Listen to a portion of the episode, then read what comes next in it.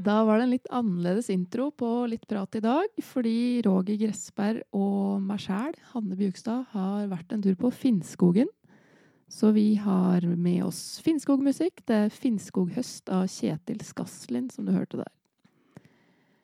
Vi var på Svulria tidligere i dag, på Grue Finnskog, for å besøke forfatterhjemmet Leiråker, eh, Holt sitt hjemsted. Der har vi prata med Dag Råberg, direktør i Norsk Skogfinsk museum. Det kommer vi tilbake til. Men først, Roger, kan du kanskje prate litt om ditt forhold til Åsta Holt? Ja, oppvokst eh, like ved Svulleria, som da er hjemstedet til Åsta Holt. Og jeg er ganske sikker på at jeg har møtt deg en gang. på Finnskogdagene. Da jeg var liten, jeg har ikke noe fotobevis av det. Men jeg har fotobevis av at jeg var på Finnskogdagene når hun var der. Det har jeg, men ikke oss to sammen.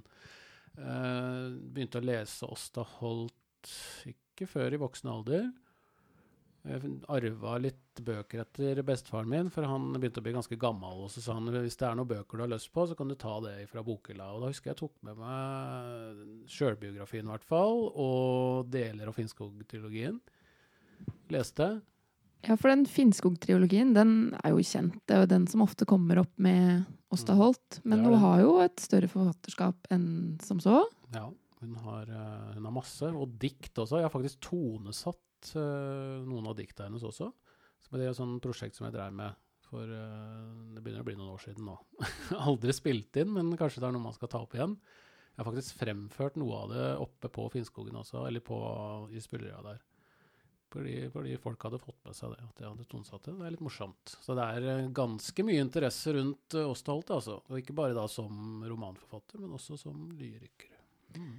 Men hva er det med teksten hennes som gjør at det er relevant, tenker du? Eh, vi har jo snakka med Dag eh, Råberg på Skogfinsk museum om dette her også. For min del så vil jeg si at eh, relevansen ligger jo i det å være stolt av hvor man kommer fra, blant annet. Syns jeg hun er veldig flink til å formidle, spesielt da med Altså Det er jo en minoritet, skogfinnene. Det var jo litt uglesett. Jeg eh, følger noen sånne grupper og sånn på nett, og det er en Insta-profil som heter Skogfinnefakta, som driver veldig og viser fram dette her at skogfinnene er en minoritet som veldig ofte blir glemt. da, Som prøver å fremme dette her med at uh, det er jo på linje med nesten samene, da. At en prøver å få mer uh, noen urfolks uh, Kanskje ikke urfolk heller, men at, at det ble uglesett da i samtiden. Og det var et litt sånn Det ble sett ned på, egentlig, det å være skogfinne. Og dette snakker vi om i dag også, og Åsta var jo også opp, veldig opptatt av det å være stolt av hvor man kommer fra. Og ikke bare med skogfinne, men også at man bor på skogen og ja, har de verdiene man har der oppe. Ja, også kanskje mye sånn trass og stahet i hennes språk som kommer kom, fram, da, som er en del ja. av det. Og Eh, så må kanskje all, hele den historien er med på å gjøre Finnskogen unik i dag, og aktuell. Mm. Det tror jeg er eh, veldig viktig når vi skal snakke om Asterholt. Det er den derre eh, staheten og stå-på-vilja. Komme fra, fra, enkle kår. Og kan kanskje minne litt om Hans Børli også.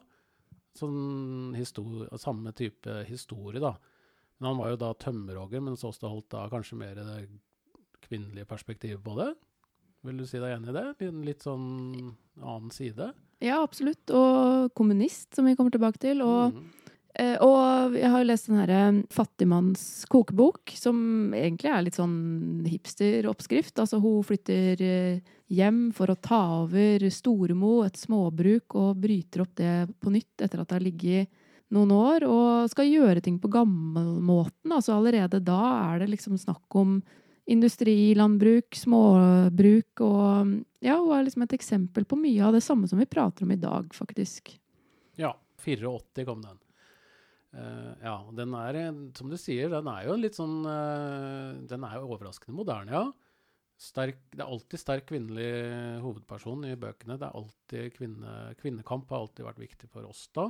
Mm. Og det er den der å flytte tilbake da, og finne røttene sine ikke sant? og slå seg opp på gamlemåten. Det er, eh, det er, litt sånn gjengangstema, men dette er jo en mer moderne bok. da, At det kommer da ifra byen, er det ikke det? Jo. Eh, Ja, eh, foreldra hennes og hun da har flytta til byen for å, Mm. etter krigen, fordi at det var et enklere liv, så de for seg. Men for hun så var det et mer verdifullt liv å opprettholde den drifta på småbruket. Og det er veldig ja, det er en veldig fin bok om å finne seg sjøl og finne sin egen stemme. Og samtidig sier hun veldig mye om politiske temaer og organisasjonsliv, egentlig. Så det er absolutt en bok som kan leses i dag og oversettes til vårt samfunn, på en måte. Mm. Det er et uh, veldig godt boktips altså, for å få innblikk i, i forfatterskapet. Hvis man ikke skal lese Finnskog-trilogien Vi kommer tilbake til det eller i samtalen med Dag også, at hun uh, følte at det var det eneste folk snakka om. Men dette er en veldig god, god leseropplevelse. Jeg husker jeg likte den boka. Det er kanskje en av de Det er denne boka jeg likte nest best, vil jeg si. Jeg vil anbefale 'Piga' også, den selvbiografien som forteller da om uh, livshistoria hennes. Den kom da i 79, så hun slapp jo masse bøker etter det og var jo veldig aktiv. Drev med veldig mye. Designa Finnskogbunaden, dro i gang Finnskogdagene med Kjetil Skaslin. Uh, vi har fått lov å bruke musikken til uh, Kjetil Skaslin i dagens episode. Det syns jeg er veldig fint. Ja, det er kjempebra. Setter riktig stemning. Så jeg vet ikke om nå har vi henvist til den samtalen med Dag flere ganger, så Ja. kanskje vi bare skal sette over til den. Vi gjør det. Her kommer eh, ikke direkte, men i opptak fra Leiråker, som da er eh, Åsta Holts hjem oppe i Svullerøya på Grue Finnskog.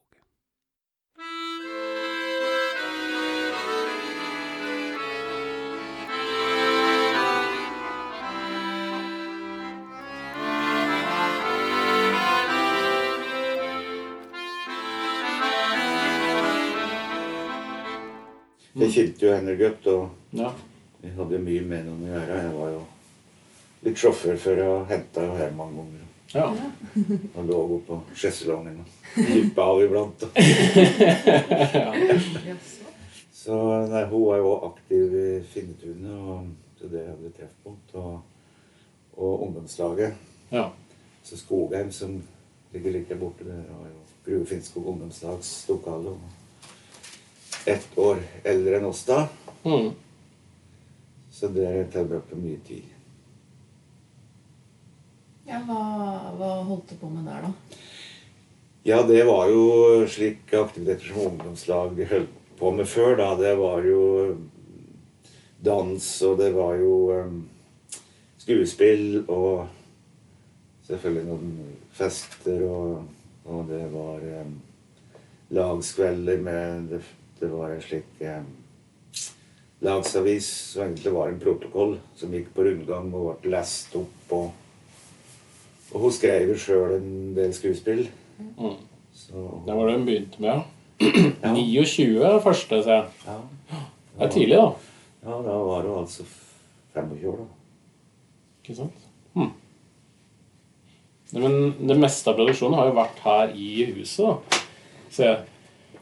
Altså romaner og, og Finnskog-trilogien, selvfølgelig. Ja, Mm. Hun har nok ikke skrevet um, alt her, men um, hun um, Ja, dette kan jo Jeg vet ikke det mye skal si, men hun um, Hun drev jo kafé nede i Svuldria. Ja, stemmer. Og så um, Det var andre etasjen utleid, så brant den i 69. Mm. Og da, da bygde jo Vangen eh, nede i Svullera litt Ikke akkurat på samme plassen, men um, det, det bygget ligger der fortsatt. Ja. Så bygde vi det for uh, forsikringspenger, regner jeg med, for kaffen. Og det var eh, på en måte skrivestua hennes. Mm. Så det satt Hun bodde aldri der, men eh, det var jo et uh, bolighus for så vidt. ja.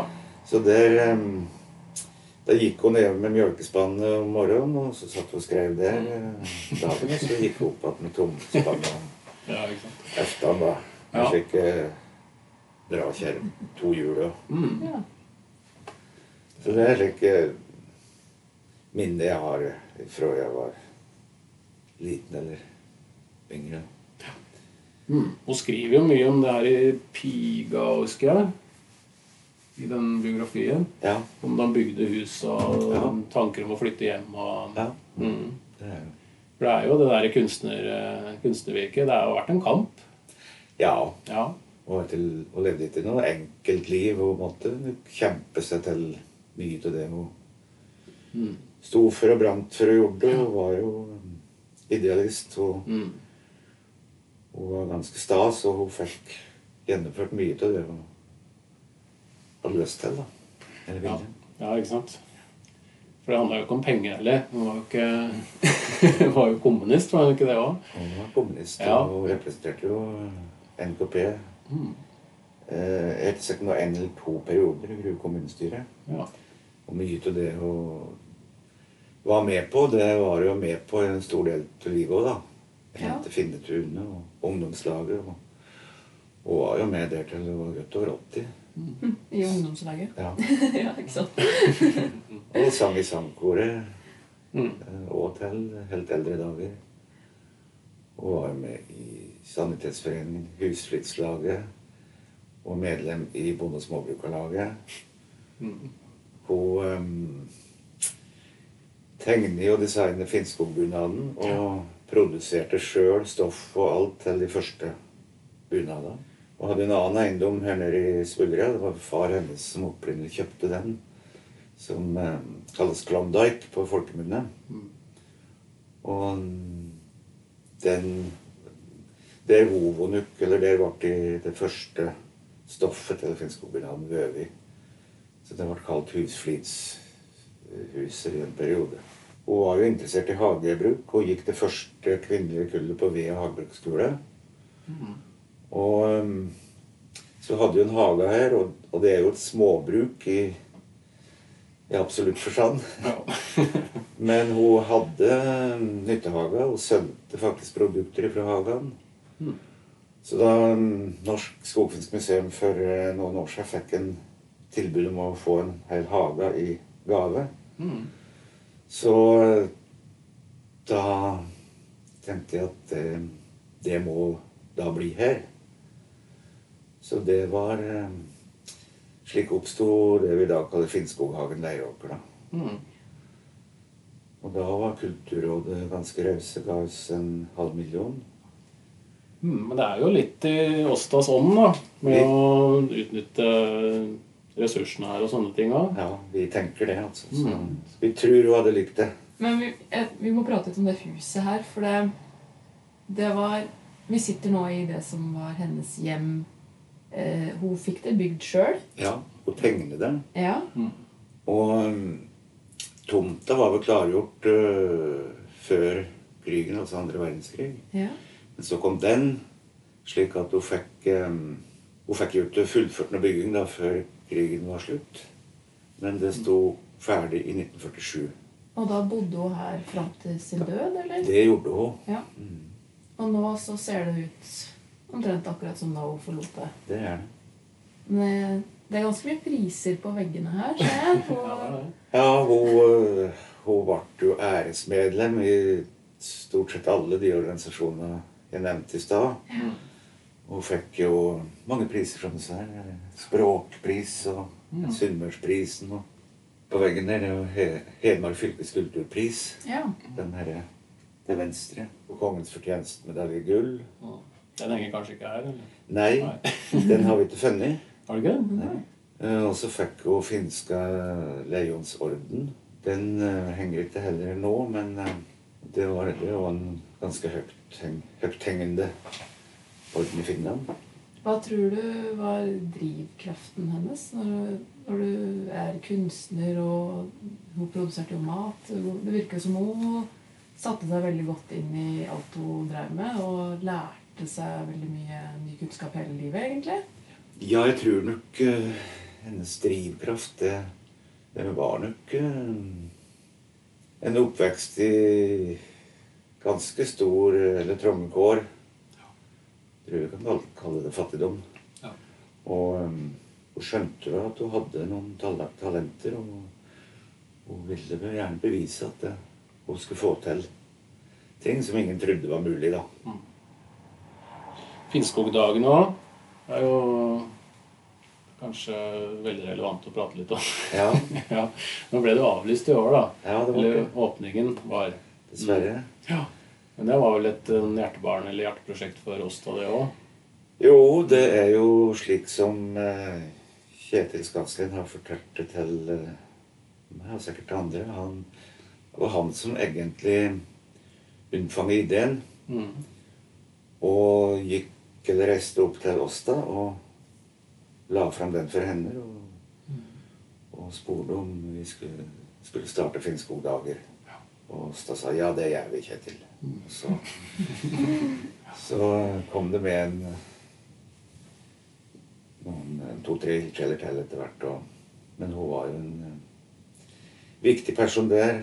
Og, og viktig hun var, det beskrives jo ved følgende. Ble jo valgt til eh, president på livstid. Og etter hennes død så er det ikke valgt noen ny president. For det er på en måte ingen som har vært funnet verdig til det. da. Så det er jo Finlands eh, Stort sett har vært Finlands ambassadør eller en representant fra den finske ambassaden i Oslo som da har vært settepresident under Ja. Finnskogdaga under republikken. Man må jo kanskje nevne det, hvis det er noen som hører på som ikke har vært på Finnskogdaga, at eh, da løsriver Finnskogen seg for resten av landet og blir sin egen republikk. Ja. Så det er det som er bakgrunnen for at hun har en egen president. Ja. Og dette hadde jo litt med det her em, I protesten og det å vise at vi kan og Jeg tenker at det er to sider egentlig ved Finnskogdaga, republikken Finnskogen. Det ene er jo det en slags erkjennelse av at vi tilhører en skogfinnskultur, skogfinsk kultur, en eh, viktig kultur, men som mange på en måte har undertrykt i hadde undertrykt i en lang periode. Så det gjaldt på en måte først å eh, for seg sjøl innrømme viktigheten av det, og så formidle det til andre. Og så har vi den protestdelen som eh, på en måte er republikken. Eh, det var jo mange her da som mente at eh, Finnskogen kom svært dårlig ut da det var snakk om eh, bevilgninger eller innsats eller eh, aktivitet som skal gjøres. Det var et område som ble forsømt. Og, og, da, dette var rettet både mot eh, kommune, fylkeskommune og stat.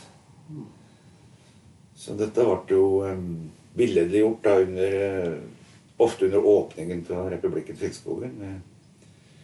At eh, enten tok viktige personer til fange, eller Eller protesterte på en synlig måte. Ja. Det synes jo veldig godt i forfatterskapet hennes òg. At eh, Finnskogen er viktig for henne, og hvor man kommer fra og sånn òg. Jeg vet at hun har skrevet mye dikt om uh, utvandringa fra Finland. Og det er jo noe som går igjen, syns jeg, da. Mm, å finne tilbake, liksom. Hanne har lest 'Fattigmanns kokebok' nå nylig. og Det handler jo om å finne tilbake til røttene sine, det òg, etter å kanskje skjønt det litt. Så det er noe som Det er kanskje en rød tråd der, altså. Det er nok helt sikkert det. Mm. Um, men uh, ellers så kom jeg Gåstad sa til henne en gang at hun Hun var nesten litt lei seg for at um, hun mente at bl.a. den Finnskog-trilogien Mm. hadde blokkert litt av det, det andre hun skrev, Ja. og det andre hun bidro med i sitt forfatterskap. Mm. Fordi at eh, de aller fleste hengte seg opp i nettopp den. Ja. Så det var nok litt eh, Det betydde jo ikke at hun undervurderte den, men eh, det betydde at hun Hun mente hun kunne noe mer, og at hun hadde mer vidsyn enn akkurat det. Og Mm. eh, ikke bare det med den skogfinske kulturen. Det ser en jo òg i forfatterskapet hennes, at hun tar opp mange andre ting. Ja, for sånn i den fattigmanns kokebok som du nevnte, Roger, så det, det er jo veldig mye av det trasset da, som du nevnte litt med, som kanskje var utgangspunktet for Finnskogdagen og republikken sånn generelt i området her. Men Ja. det er jo òg en eh, Det er mye kvinnekamp. ja. Og det, Det det, gjør det jo fortsatt relevant, liksom. Ja, det er jo viktig å få fram som et av hennes eh, arbeidsområder, eller eh, hennes fanesaker, det var jo nettopp kvinnesak. Og det går jo også som en rød tråd gjennom det aller meste av forfatterskapet. Det er sterke kvinner hun skildrer først og fremst. Og ikke menn. Sterke menn.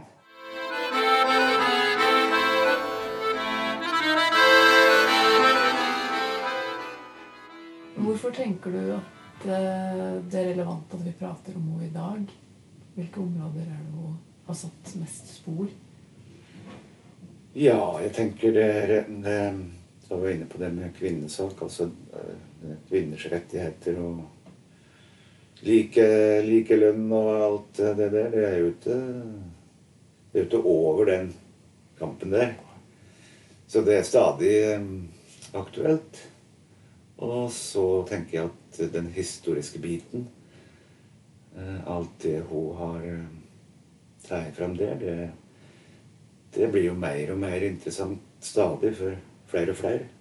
Og når vi nå i dag har beregnet at eh, så mye som 13% av den norske befolkningen har skogfinske aner, så gjør jo det at stadig flere oppdager eh, verdien i den skogfinske kulturen, og, og er interessert i å finne ut om en, er til skogfinsk avstamning.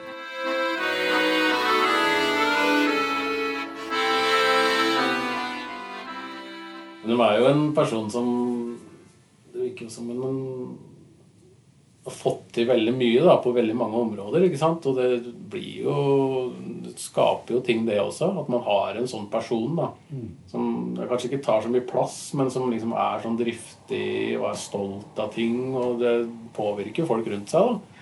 Så man kan jo kanskje si at hm? Ja, viser at det er mulig å Ja. Ikke sant? Å ha så mye å, komme med. da. Altså Både som forfatter, men også da som eh, kulturarv og bunaden og sånne ting. liksom, og Bare dra i gang sånne ting. da. Og det fører jo da til at andre fortsetter det arbeidet. Det virker jo sånn. Hun var òg med å stifte Solør Värmland Finnekulturforening i Ja. 1958. Ja. Det er tidlig, da. Så, eh, Veldig tidlig. så mye av det hun gjorde og skapte, det lever jo videre og utvikler seg og skaper nye aktiviteter. Sjøl over 20 år etter hennes død nå, så er hun ikke mindre aktuell, vil jeg påstå. Nei. Og du snakka jo med Gyldendal om du skulle slippe, om du skulle slippe Finnskog-trilogien på nytt. Ja. Og det sier jo noe at den er fortsatt aktuell etter uh, lenge er det nå? 60 år, da. Ja. Siden den første. Ja.